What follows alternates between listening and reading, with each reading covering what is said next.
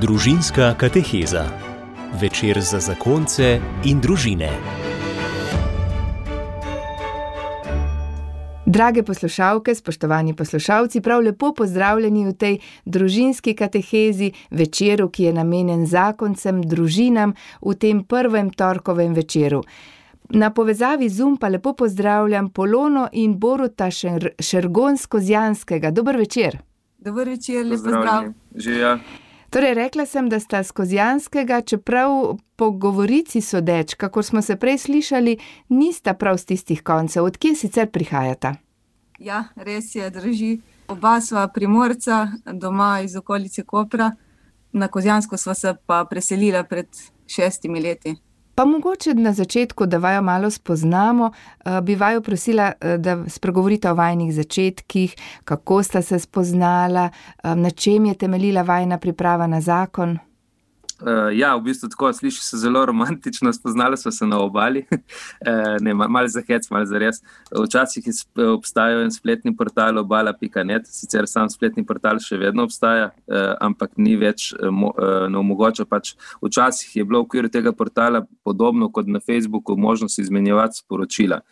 Uh, no, jaz sem takrat pač delal še v Ljubljani, Polona je še bila kot študentka. Eh, jaz sem imel v službi takrat dosti časa, oziroma preveč časa, bom tako rekel, in sem nekako se želel zamotiti. In sem pač med drugim tudi na tem, bom rekel, spletnem portalu, malo, bom rekel, klepetavno, dobesedno, za, za čas si zamotiti. E, no, in po drugi strani Polona pač podobno, tako da so se tam spoznala, nekako je, hitro smo nekako videli, da, da se zelo ujameva. Eh, tako da jaz sem neposredno postavil pred dejstvo, da če pač želimo nekaj več v smislu biti prijatelja, takrat še ne, uh, da deva se v živo dobiti, no, ker sem zelo pristaš teh, bom rekel, stikov v živo, oziroma pač ne teh virtualnih zadev. No, tako bom rekel. Tako da, ja, no, potem smo se pač eh, dobila in je nekako na hitro to steklo naprej. No. Ja, sledil je sprehod po Portorožu. Meni se je zdelo tako, tako da se poznava že celo večnost, eh, klepetala sva sproščeno, uh, tako da je kar hitro potem iskrica preskočila. Pa mogoče, če se vrnemo zdaj še malo nazaj eh, k vajnim izvornim družinam. Sta vero uh, v Boga že prejela tam, v vajnih družinah, ali je to kasneje se poglabljalo? Ja, meni je bila vira, um, bom rekla, položena v zipko. Uh, v bistvu mama je bila zelo virna, tako da uh, so, so naj vzgajali v, bistvu v tem duhu. Uh, oče sicer, jaz pravim, da je viren on zase, ko sem bila še majhna, je pravil, da ni, uh, ampak um, mislim, da, da vsa njegova dejanja uh, in zadnje čase tudi besede izražajo to, da je zelo viren. Uh, tako da meni je bilo, bi se reklo, z rožcami poslano na tem področju. Pa pri vas, ja. Borut? Ja, pri meni je bilo malenkost drugače.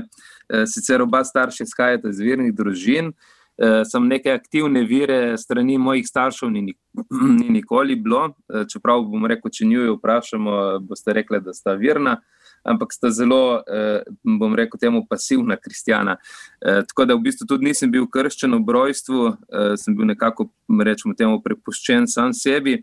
Eh, se je pa potem v eh, petem razredu osnovne šole zgodil nek preobrat. Jaz sem se pač sprehajal z prijatelji po Kopru, pa me je takratni župnik, oče Bojan, eh, srečal, nisva se prej poznala in me je kar nagovoril, no, glede pač vire, oziroma zdaj točno detajlov se tudi res ne spomnim, ampak je, je nekako priskočila ta iskrica. No. Tako da sem potem pričel obiskovati katehumenat. Eh, in to je bil moj, bom rekel, korak proti veri. No. Eh, moram pa pač poudariti tudi to, no, eh, da dejansko potem starša sta me podpirala v tej smeri, ampak ta začetni korak je bil pa nekako, ne vem, poslan strani Boga, se ne morem drugače reči kot tako. Mhm. Ne, e, tako da, evo, to je bil pa moj nekako začetek na poti vire. Pa ste potem ostali povezani še z očetom Bojanom? E, da, ravno uh, lani smo bili pri njemu na obisku, on je zdaj trenutno v Strunjanu, ni več v Kopru. Tako da, ja, sem ustal, eh, dokler ni bilo selitve. On je vmes, mislim, da še v Rim šel celo, no, ga ni bilo v Sloveniji nek, nekaj časa. tako da, ja. Mhm, kako pomembno je torej, da si upamo nagovoriti človeka, da, da ne zadržimo zase to, kar nosimo v svojem srcu, dokazuje tudi to, da vas je on kar na cesti nagovoril. Ja, res je. Točno to.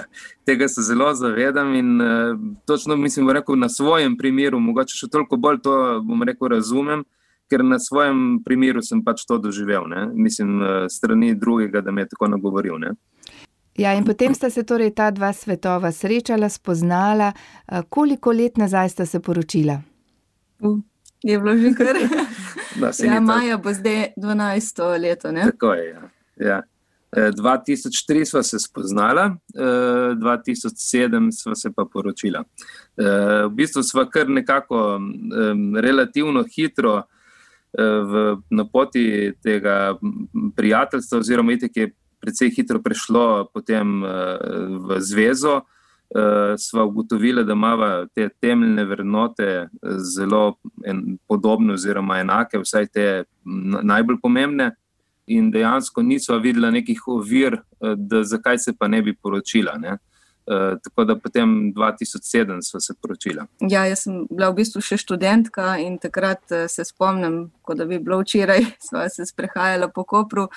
Um, mi dva smo vedno pač tako nekako kot večina razmišljala. Najprej uh, bom jaz končala študij, ne, pa dobila službo, potem se bo poročila, potem bodo otroci, ne, tako kot ponavadi. Uh, Ampak potem takrat smo se sprehajali po Koperu in uh, smo kar naenkrat začeli razmišljati, zakaj bi pa mi dva sploh čakala s poroko, da jaz končam študij, če pa ne sva pripravljena na to nekako, vsaj tako sva čutila takrat. In potem smo se odločila, ker na hitro, uh, tako da so se poročila še v času mojega študija. Na čem pa, recimo, če zdaj rečete samo z eno besedo, je temeljila ta vajna zveza pred poroko? Recimo, na čem sta gradila, je imela vera tudi pomemben vidik v vajnem življenju? Mm, ja, v bistvu dejansko jaz moram eh, priznati, da me je Polona ponovno nekako eh, pripeljala nazaj na pot vire. Eh, tako da se jim moram tudi z tega vidika zahvaliti. Jaz sem se malo odtaval, no? nisem bil tudi jaz nekako do konca srednje šole je nekako še šlo. No? Potem pa bom rekel, so me in prijatelji in celo okolje malo ven iz tega potegnili. Tako da se moram tudi z tega vidika zahvaliti, eh, da me je ona ponovno uh, pripeljala na pot nazaj. Uh, tako da, ja, vsekakor je pomemben faktor bila tudi vira. Ne? Ja, tudi z moje strani tako. Vira, vsekakor na tem, res se mi zdi, da mora temeljiti vsaka stvar, tudi zaljubljenost, tudi ljubezen. Uh, med nami je pač bilo tako, da smo se dobro razumeli in ne, tudi v bistvu na razumevanju, na medsebojnem spoštovanju je, je temeljilo potem najna zveza. No, potem pa, ko se človek poroči, lahko rečemo na začetku navdušenje, spoznavanje drug drugega in tako naprej, pridejo pa tudi težave, preizkušnje. Bi mogoče opisala, kaj je bilo kakšna prelomnica v vajnem življenju, tudi na področju gradnje odnosa med vama, odnosa z Bogom, je bilo to vstop v kakšno zakonsko skupino, na kakšen način sta poglabljala vse te odnose? Uh, ja, prelomnic je bilo kar nekaj. Uh, zdaj, če ste se že dotaknili uh, zakonskih skupin, v bistvu zakonsko, društvo Družina in življenje je, je res uh, potegnilo. No, um, pred leti, sva zdaj ne vem koliko let je od tega, ko so, ko so se vključila tukaj na Štajerskem. V bistvu je bilo še kar na začetku, tri, Mislim, a ja, tri, tri leta tri nazaj. Leta, ja. Uh, tako da smo potem uh, kar kmalo postali tudi sama voditeljski par.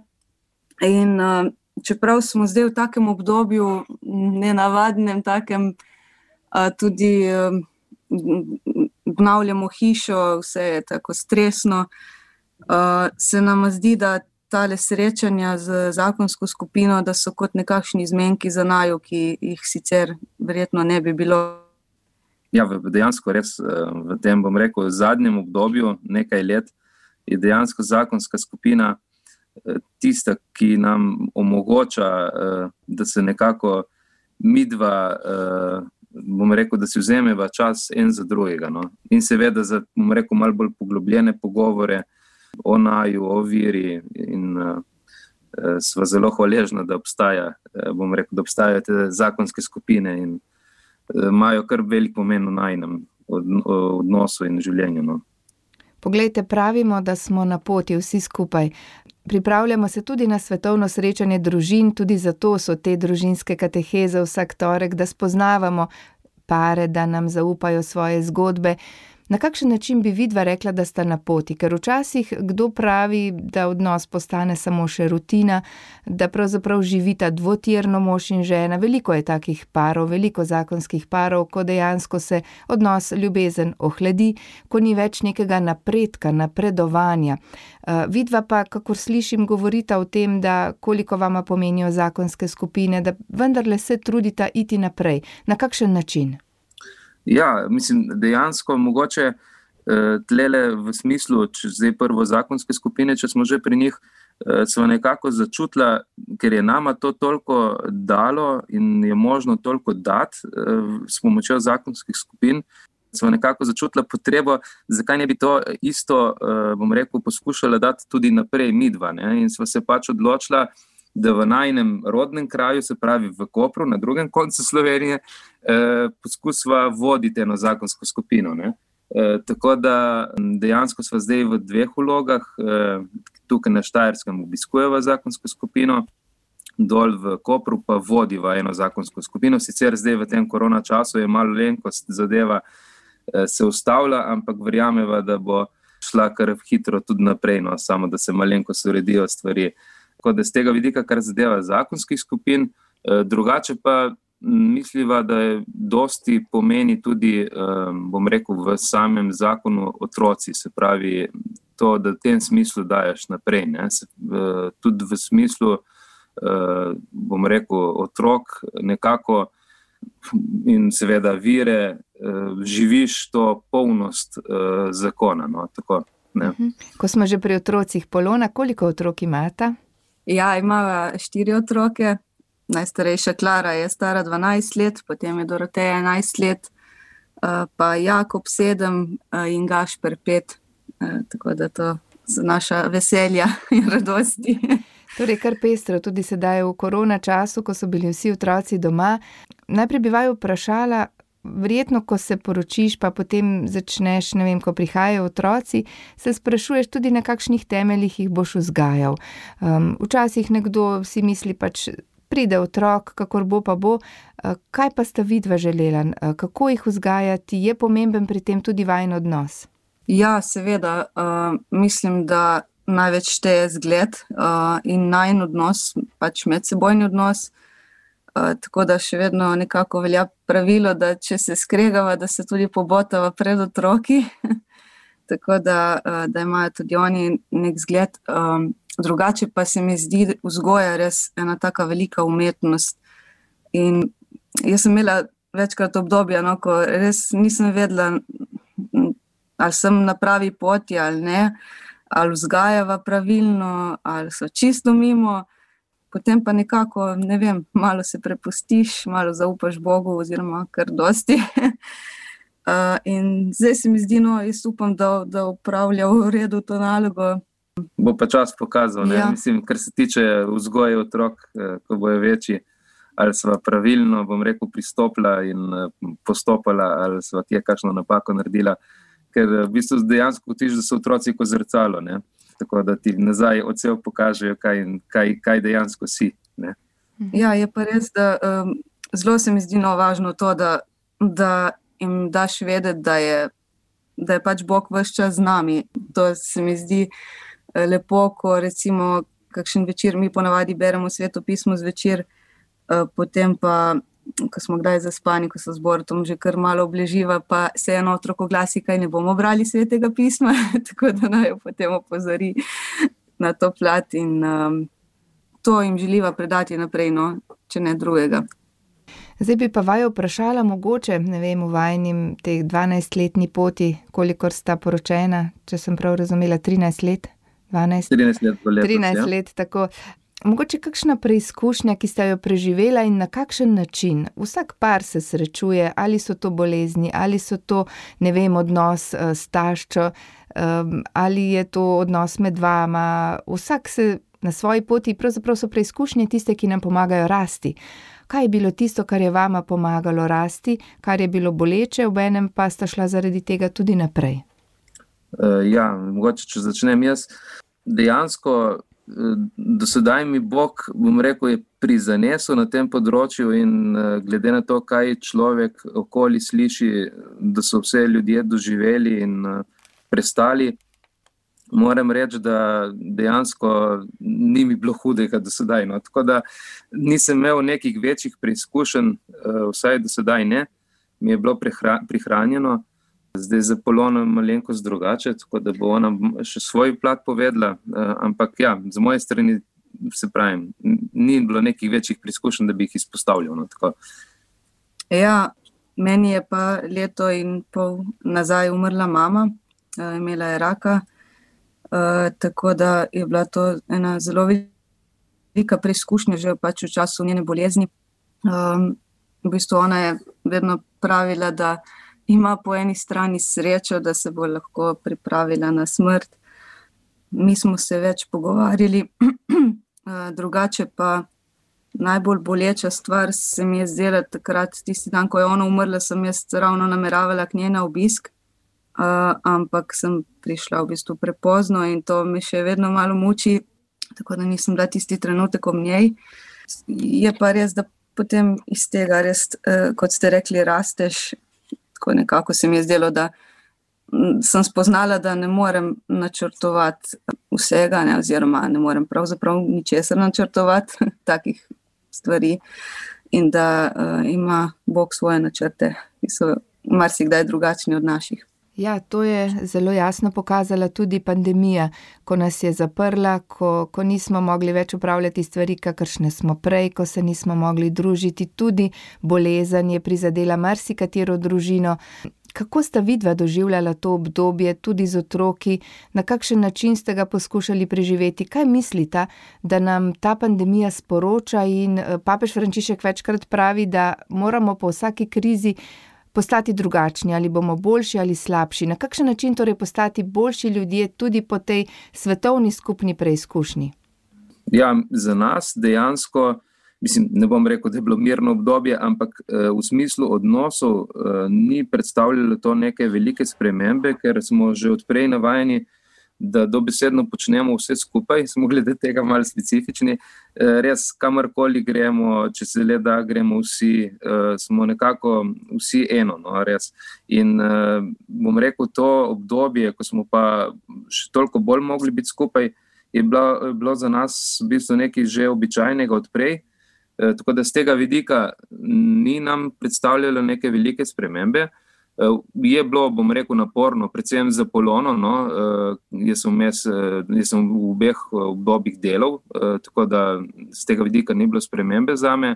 Za polono je bilo zaradi šolanja otrok, ker imamo tri šole obvezne, en je pa še predšolski. Tako da je bilo dosti tega koordiniranja in pač iz tega naslova, bom rekel, naporno za njo. Kar se pa tiče, bom rekel, za generalno nekako vidiva, da bi morali vsaj ljudje, tako bom rekel, ne, vprašanje, če bo to res, ne, spoznati, da bi mogli ljudje več delati na odnosih. Ne, ker se v tašnih krizah vidi, da so odnosi uh, glavna stvar, ki držijo po konci vse skupaj. No, uh, tako da medsebojno spoštovanje, poslušanje en drugega, uh, slišati, da je nekdo v stiski, dejansko, ne vem, v tem smislu. Kaj, kako ste pa vi uh, ja. preživeli to obdobje polone? Meni je bilo, moram reči, kar težko, sicer spomladanski, spomladanski val je bil tak. Um, pač pomlad je bila, veliko časa smo preživeli zunaj, sicer je bilo res uh, težko, uh, kar se tiče um, tega šolanja. Veliko otroci so potrebovali veliko, veliko pomoči, uh, ampak nekako je šlo. Um, zdaj pa se mi zdi v jesenskem času no, to, kar je rekel Borod, res drži. Um, jaz sem veliko krat razmišljala, da, da tisti, uh, se zdaj, ki se v družini ne razumejo dobro, da verjetno zelo trpijo. Tako da sem hvaležna, v bistvu, da, se, da se mi dobro razumemo. Uh, drugače pa uh, se mi zdi, da se učimo iz tega obdobja najbolj ponižnosti, da, uh, je človek zelo majhen no, primerjavi s tem, kar se lahko zgodi. Tako da, predvsem tega, pa potrpežljivosti, mogoče tudi, no, ker kot vidimo, bo to obdobje dolgo trajalo, oziroma ne vemo, koliko časa bo. Tako da tudi ta negotovost je, nas uči, da smo v bistvu nemočni. Ja, ta lažna zaverovanost v lastne gotovosti se je sedaj razblinila v tej pandemiji. Ja.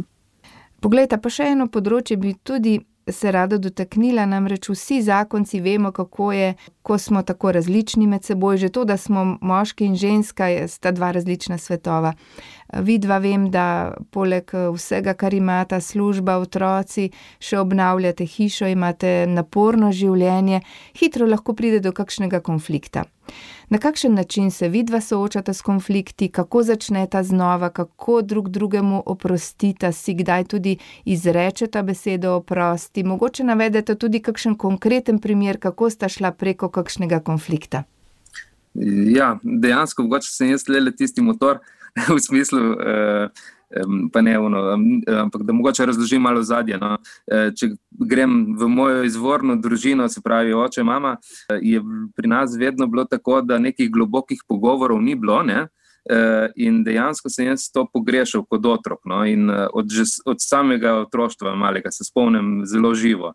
E, so mi manjkali pogovori, nek, dodatne obrazložitve, zakaj je določena stvar takšna, kot je. Eh, seveda tudi ob prepirih, eh, je bilo samo enostavno.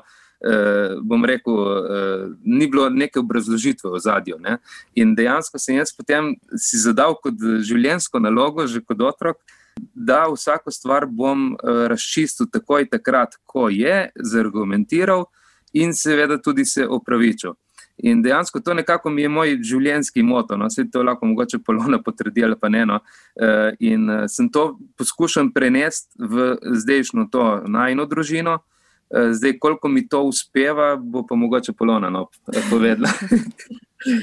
ja, zelo dobro uspeva. Uh, meni zanimivo, kljub temu, da smo imeli v družini veliko pogovorov, poglobljenih in tako, um, je bilo kar težko vem, razreševati konflikte na začetku.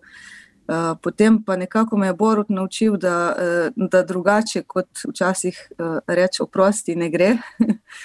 uh, čeprav je on največkrat tisti, ki to prvi izreče, ampak uh, se, se še učim. Uh, tako da res, to, to je ena taka velika nuja no, pri, um, pri razreševanju konfliktov, da, da sploh se nekako tisti ponos svoj požreš in si priznaš, da pa mogoče imaš, da tudi ti nimaš prav vedno ne? Uh, in da znaš reči oprosti. Pa si vzamete tudi čas za osebni pogovor med vama, um, ne vem, da si poveste tudi tiste najgloblje stvari, ki jih v duši čutite, pa jih je težko izreči. Uh, ja, se trudiva. Dejansko uh, je sicer uh, težava, čisto logistična tehnična, ne vem, kako bi se izrazil, ker enostavno pri vsej tej, bom rekel, norišnici, če se tako izrazim, ne uspeva najti enega mirnega okolja. No, to predvsem je problem. Tukaj, predvsem, bom rekel, otroci odigrajo svoje, ne, v smislu tega, ampak se trudiva, če se le da. Eh, ponovadi izkoristijo kakšne trenutke, ko se vozimo kam, v smislu, zdaj, če greva nekam, recimo, sama, kar je sicer redko, ampak se tudi to zgodi. Takrat imamo res mir in si skušamo vzeti čas za pogovor. Je pa verjetno tudi res, da bo mogla, mogoče pa malo bolj načrtno na tem delati. No. E, tudi bom rekel, ko zgleda, da ni časa, si enostavno načrtovati nek čas, dejansko punci sta obe že toliko velike, da lahko počuvata ta mala dva otroka za kakšno uro. E, tako da mislim, da lahko tle še je kar velik prostor za napredek. No. Včasih ko se voziva, se mi zdi, včasih tudi samo v tišini uživava drug z drugim. Tudi to je nekaj. Ja, dejansko je res. Um, trenutno mi pač varstva tukaj nimamo, ker živimo na drugem koncu Slovenije in ne moreva si. Ne moramo otrok uh, pač staršem ja. peljati v varstvo in si vzeti načrtno čas za naju. Uh, no, zdaj mi je prišel, prišel na misel en primer, sem, sem zelo hvaležna uh, najnemu voditeljskemu paru, tukaj te zakonske, štajerske zakonske skupine Diževe. Enkrat na, na jo je kar tale voditeljica poklicala, pa je rekla: Pripeljte otroke, pa pejte na zmenek, in smo šla. Tako da so tudi res dobri ljudje, ki to omogočajo, ki nam pomagajo pri tem. Mhm. Je pa verjetno potrebna kar veliko volje, da si ob vsem, kar imamo, še vzamemo čas in se res posvetimo temu odnosu, kateremu pravimo, da je to pravzaprav prvi otrok, prvorojenec vsakega zakonskega para. Ja, v bistvu je res. Ja. In tega prvega otroka je treba najbolje vzgojiti. Ja, da lahko sploh potem vzgajaš ostale otroke. ne, je dejansko temelj ne, celote, ne, uh mhm. -huh. na katerem gradiš uh, potem in odnos, in uh, bom rekel, da ješ lahko naprej. Da, če ta temelj ni dovolj močen in uh, zasidran, dovolj globoko, se znajo potem pokazati uh, težave ne, na drugih področjih. Kaj pa vama pomeni biti poročena? V čem vidite lepoto poročenosti? Ja, Jaz mislim, da je zelo velika razlika med biti poročen in ne biti poročen. Uh, vsaj nama je zelo veliko pomenila tista obljuba pač v cerkvi pred Bogom. Mislim, da vsakemu vernemu človeku uh, to največ pomeni, oziroma ima zelo veliko težo, neprimerno večjo težo, kot če bi si mi dva samo med seboj priznali ljubezen ali kakorkoli že. Uh, pa predvsem ljudmi, ki pridejo tja. Um, tako da v bistvu tisti trenutek mogoče se niti ne zavedaš, kaj izrekaš, ampak kasneje se, vsaj jaz veliko krat spomnim na to obljubo in ko je kdaj težko. Si rečem, vse sem obljubljala, v sreči, nesreči, v bolezni in zdravju, kakorkoli že. Da, uh, potem mislim, da kasneje pride do izraza uh, s časom, še posebej ta um, uh, smisel in ta, ta, ta vrednost poroke. Tako je, kot je polona, dejansko tlele, nimam kaj dosti dodatno. Uh, bi sam izpostavil to, da se vidi uh, dejansko v težkih trenutkih ta dodana vrednost tega. Ne? Se pravi, da imaš stvarnika nad zakonom, do katerega se lahko obrneš, ti vedno stoji ob strani, ti pomaga, svetuje. Uh, narediš z njim kot neko tripartitno pogodbo, ne mislim, večero pa, pa Bogom. Ne? In uh, je vedno tam na voljo. Ne? In v težkih trenutkih se izkaže lahko kot eh, neka rešilna bilka. No? Tako, Rekla ste torej ta stvarnik, ta tretji, ki pride v odnos. Na kakšen način neguje ta vidva ta odnos? Kako si vzameta čas za Boga? Na kakšen način ga gradita? Ja, še posebej zadnje čase se trudijo res vsak dan brati sveto pismo, ponavadi je to v večerjih. Uh, drugače pa ga skušamo, skušamo ta odnos um, uh, negovati uh, skozi vsak trenutek v dnevu. Sicer smo še zelo daleč od tistega, ne prenehamo molite, no? ampak ne vem, ko gremo na kakšno daljšo pot um, ali pa tudi krajšo. Eh, zmolimo za srečno pot, potem pred obroki, pred kosilom, pred zajtrkom, pred večerjo, ali pa če samo mimo zapelje rešilec za tistega, ki je v rešilcu. Tako da v bistvu um, s tem tudi otrokom, če so zraven, um, nekako dopovedujemo, da, da je Bog vedno z nami in da se lahko kadarkoli obrnemo na njega. Tako z molitvijo pač skušamo. Eh, to zvezo ohranjati in poglabljati, no, predvsem z, eh, z molitvijo. Torej, ste rekli, da otroke želite prenašati to zaupanje v Boga. Recimo, kaj pa preko dneva, poleg teh molitev, ki ste jih sedaj navedli, ne vem, pred, pred kosilom, pred večerjo, kako živeti z Bogom v vsakem trenutku, tudi recimo, vem, ko pomivaš posodo, ko skrbiš za otroka, ko si v službi je možno tudi takrat živeti povezan z njim? Ja, vsekakor. V bistvu vsako dejanje je lahko neko darovanje. Tudi če je, še posebej, če je težko, oziroma tudi če je tako enostavno, da je samo pomivanje posode ali pa polnjenje pralnega stroja, se vedno uh, Vilma in Dani sicer se pohecata, da takrat klečiš ne, pred pralnim strojem, ampak um, v bistvu čisto vsako dejanje je lahko uh, neka daritev ali pa zahvala. Konec koncev, ko gremo še posebej, če gremo kam v naravo na sprehod. uh, se mi zdi res vse čudež in uh, tudi to se zavedati tega, da, da nam je to stvarstvo podarjeno in biti hvaležen za njega. Že to je lahko nek način molitve in odnosa z Bogom. Ja, dejansko je vse, vse dar. Da, če se tega zavedamo, smo že dosti naredili, da praktično nič ni samoumevno. No. Tako, tako da je lahko, kot je Polona omenila, eh, že v tej luči, eh, da se to zavedaš, da ti je podarjeno življenje, da dihaš, da imaš vodo, te osnovne stvari že. Ki v bistvu niso osnovne, ne, ampak mislim, da so zelo pomembne, ampak včasih jemljemo preveč kot samoumevne. No. Tako da že v tej luči lahko dosti naredimo, no, če se tega zavedamo.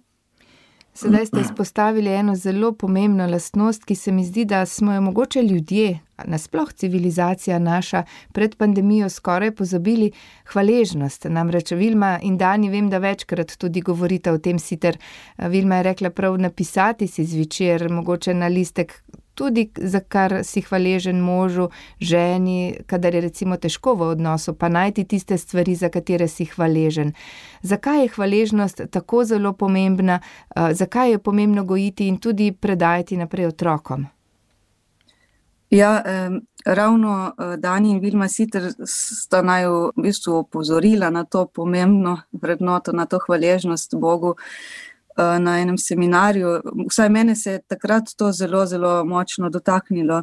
In predvsem en stavek iz svetega pisma eh, v zvezi s hvaležnostjo, eh, prene, vsem se zahvaljujte, kajti to je božja volja za vas. In mislim, da, da ta stavek pove vse, ker vedno se sprašujemo, kaj pa je božja volja za nas, ne?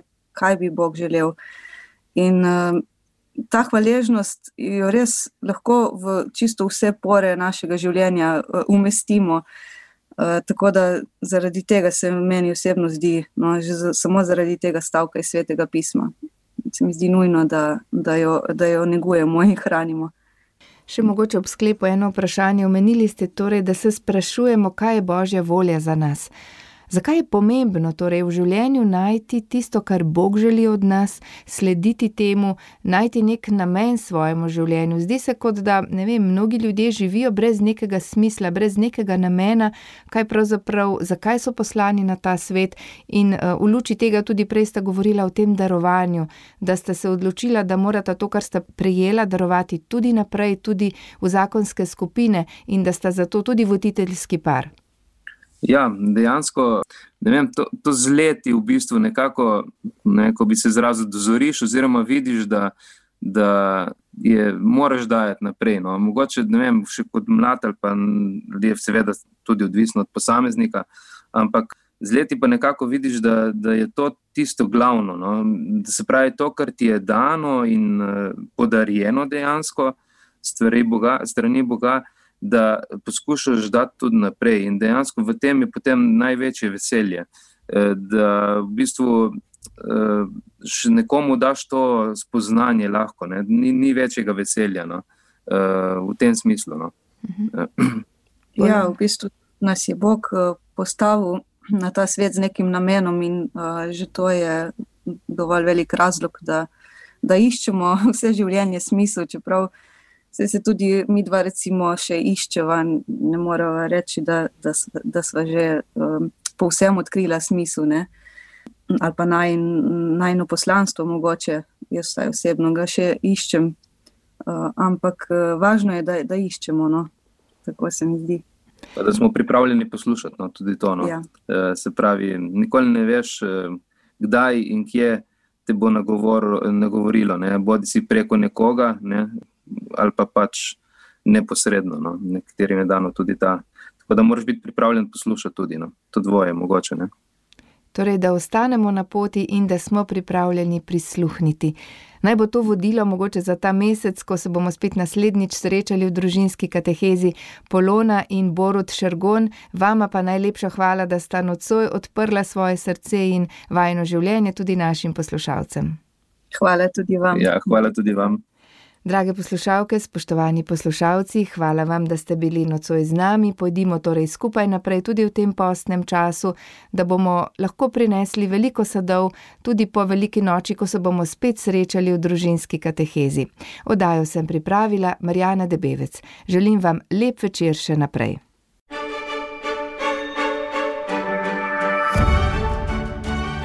Na radiju Ognišče ste poslušali družinsko katehezo.